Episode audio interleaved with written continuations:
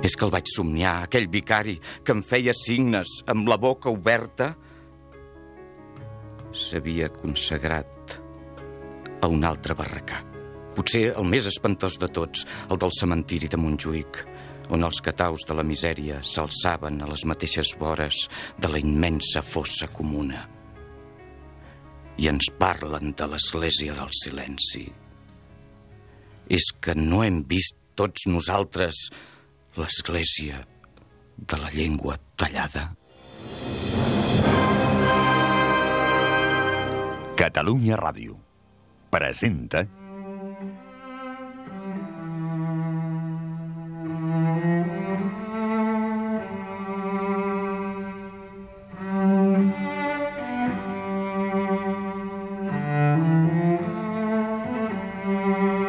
Incerta Glòria, de Joan Sales en una adaptació lliure per la ràdio d'Oleguer Sarsenedes. Muntatge Ramon Albero. Direcció Juan Germán Schroeder.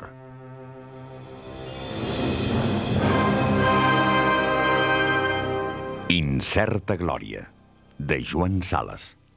Una producció de Catalunya Ràdio amb el suport del Departament de Cultura de la Generalitat de Catalunya. Oi que et preocupa el teu cos? Uh -huh. Oi que l'alimentes cada dia? doncs escolta, tu ets el teu cervell. I el teu cervell també l'has d'alimentar. I molt. Dóna-li el millor que hi ha. Allò que té més aliment. Els llibres. Tenen vitamina A, B, C, D, E, F, G, i així totes, fins a la X, la Y i la Z. Alimenta el teu cervell. Llegeix llibres. Catalunya. Endavant amb la cultura. Capítol 76. Via Laietana.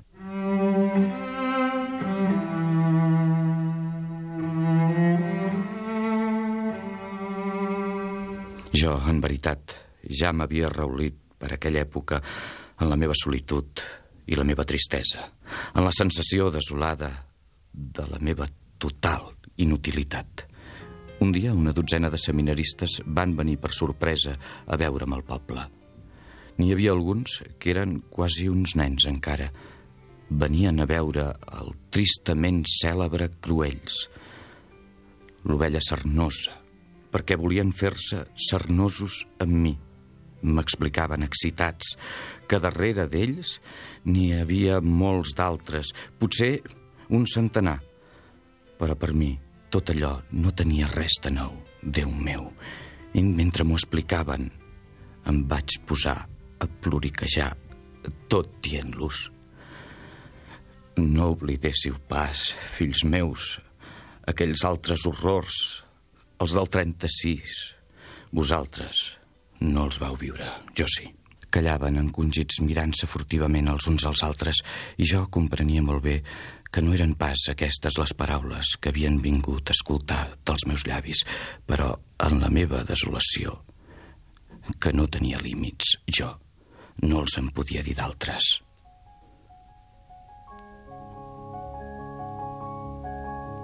Fills meus, no us deixeu moure si no sabeu quines mans us mouen. Us podria parlar de tantes coses misterioses que tot just comencen a entreveure tantes coses que semblaven unes i eren unes altres, tants dobles jocs, tantes duplicitats inconcebibles, tantes maquinacions. No us agiteu, fills meus, si no veieu ben clar qui és que us agita. No vulgueu ser els instruments de qui sap quina força obscura que es burla de vosaltres. Fugiu ben lluny de la mentida negra, però també de la mentida roja. La mentida és la reina d'aquest món i ensotja per tot, sota els colors més impensats.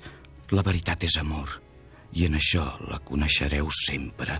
No vulgueu res amb l'odi, que és el pare de la mentida. Estimeu la pàtria i estimeu la llibertat. Estimeu-les amb tot el cor. Però us enganya tot aquell qui us diu que per servir-les heu de recórrer a l'odi. L'11 de maig del 66. Vet aquí, per fi, una data que recordo amb tota precisió. Potser l'única que recordo al llarg de 30 anys monòtons, inacabables, tots iguals. Quin interminable túnel. Aquell dia vaig entreveure la primera lluor, encara ben vaga i llunyana, anunciant l'altra boca.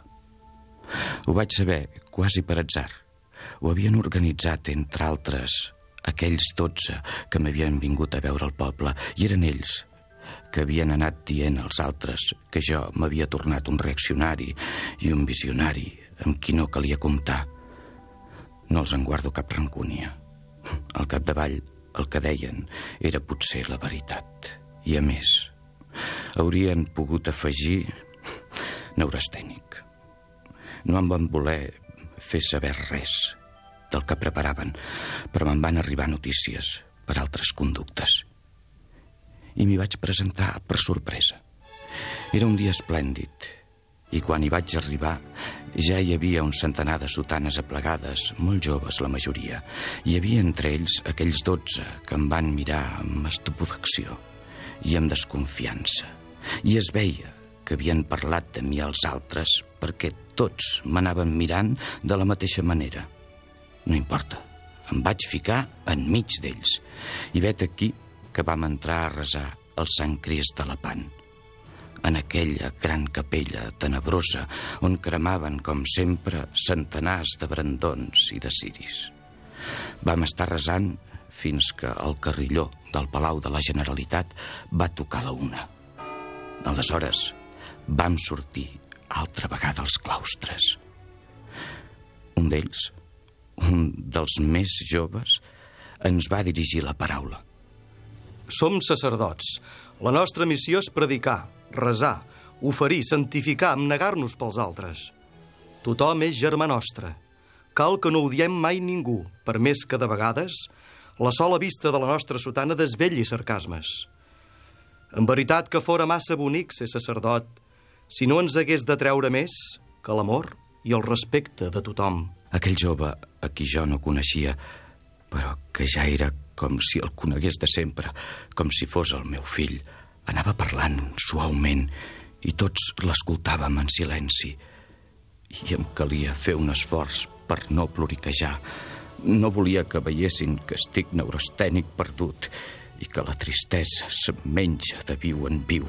No volia semblar un vell i un covard als ulls d'aquells joves.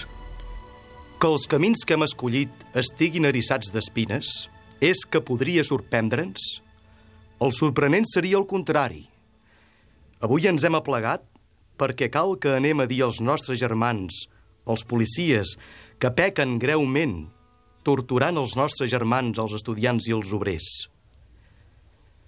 Potser això que ara anem a fer serà mal comprès de molts, Segur que els nostres germans, els policies, no ho comprenen i se n'irritaran, però si no ho féssim, els nostres germans, els estudiants i els obrers, podrien creure que no els estimem també. Vindrà un dia que tot això que ara anem a fer ho comprendrà tothom. Som de l'Església i cal que siguem conseqüents amb els ensenyaments que hem rebut d'ella i que transmetem als altres en nom d'ella. I ella ens ha ensenyat i nosaltres ho hem repetit als altres, que l'home va ser creat a imatge i semblança de Déu. Per tant, mereix respecte. Dites aquestes paraules, vam sortir dels claustres en silenci per encaminar-nos cap al Palau Episcopal. L'arcabisbe no hi era. Vam deixar la carta col·lectiva al vicari general. Molts capellans que es trobaven en aquella hora al pati del Palau es van afegir al nostre grup i fins i tot força frares i alguns monjos. Eren més de dos centenars quan sortíem del pati per encaminar-nos, sempre en silenci, cap a la via laietana. Era ja l'hora que la gent plega dels despatxos. Tothom es deturava a mirar-nos perquè en veritat que fèiem un efecte ben estrany, tantes sotanes marxant en cua per la via laietana. Quasi tots els capellans que anàvem trobant s'afegien a la cua. I anàvem caminant de dos en dos per la vorera fins que vam arribar davant d'aquell edifici. Dos d'uniforme van saltar del seu jeep per barrar-nos el pas. Vamos a ver. ¿Se puede saber qué quieren ustedes? Mentrestant, els curiosos es deturaven a la vorera del davant. Solo queremos entregar una carta, pero a su jefe superior en persona. Cuando nos haya recibido y le hayamos entregado la carta en mano, nos volveremos en perfecto orden. Però ja sortien de dins els de les matraques, uns d'uniforme i altres no.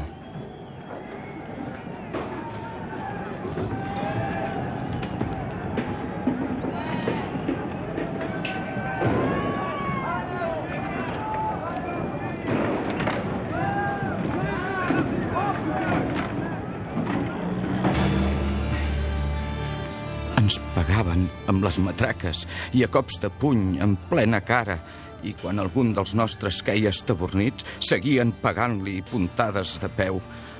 Ens havíem compromès al claustre a no posar-nos a córrer passés el que passés i manteníem la paraula. Ens deixaven pagar sense oposar cap resistència. Mentrestant, la via laietana, com que tothom s'aturava a mirar, s'havia omplert de gent i la circulació estava interrompuda per causa d'aquella gentada. També n'hi havia balcons i finestres. Nosaltres ens deixàvem pagar amb els braços plegats i sense moure'ns, ni proferir cap, cap injúria. La gentada que ho veia cridava indignada contra els que ens pagaven. En un cert moment vaig caure a terra com d'altres i vaig aconseguir alçar-me penosament, just per evitar una puntada de peu al ventre. No vaig saber dominar-me. Un gest d'impaciència. Li vaig fer caure la gorra. Avergonyit de mi mateix, vaig cridar als altres. Anem-nos-en, germans! Acabaríem per perdre la calma! Cap dels altres no l'havia perduda. Vaig veure un sacerdot, i no pas dels més joves, que com si que a la gent que li pagava li havia caigut la matraca, la recollia de terra per tornar-li. Algun dels nostres va cridar. Anem als jesuïtes! Havien convingut que si ens dispersaven ens aplegaríem al convent dels jesuïtes del carrer de Casp. Com que ens perseguien de prop, sempre pagant-nos, el grup es va dividir en dos. Els uns corrien pel carrer de Junqueres, els altres laietant amunt. I era en veritat un espectacle, aquell voleiar de sotanes fugitives, estalonats pels de les matraques. Els crits d'indignació de la multitud que ho veia era ja un immens udol. Al portal de l'església dels jesuïtes ja vam trobar força agents que ens esperaven. Un d'ells em va etzibar un cop de matraca al crani, amb tanta força que vaig entrar dins l'església trontollant i encegat per la sang que em rejava.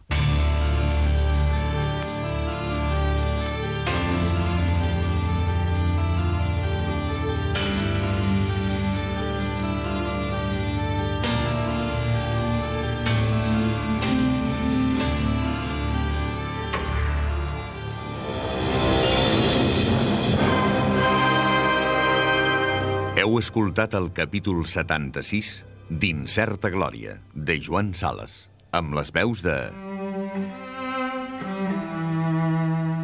Cruells, Enric Major. Capellà, Joan Canadell.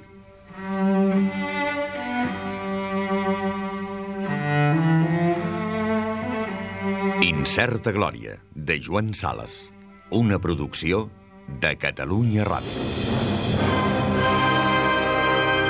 Amb el suport del Departament de Cultura de la Generalitat de Catalunya. Oi que et preocupa el teu cos? Uh -huh. Oi que l'alimentes cada dia? doncs escolta, tu ets el teu cervell. I el teu cervell també l'has d'alimentar. I molt. Dóna-li el millor que hi ha.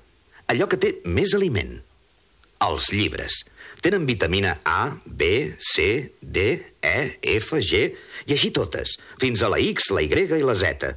Alimenta el teu cervell. Llegeix llibres. Catalunya. Endavant amb la cultura.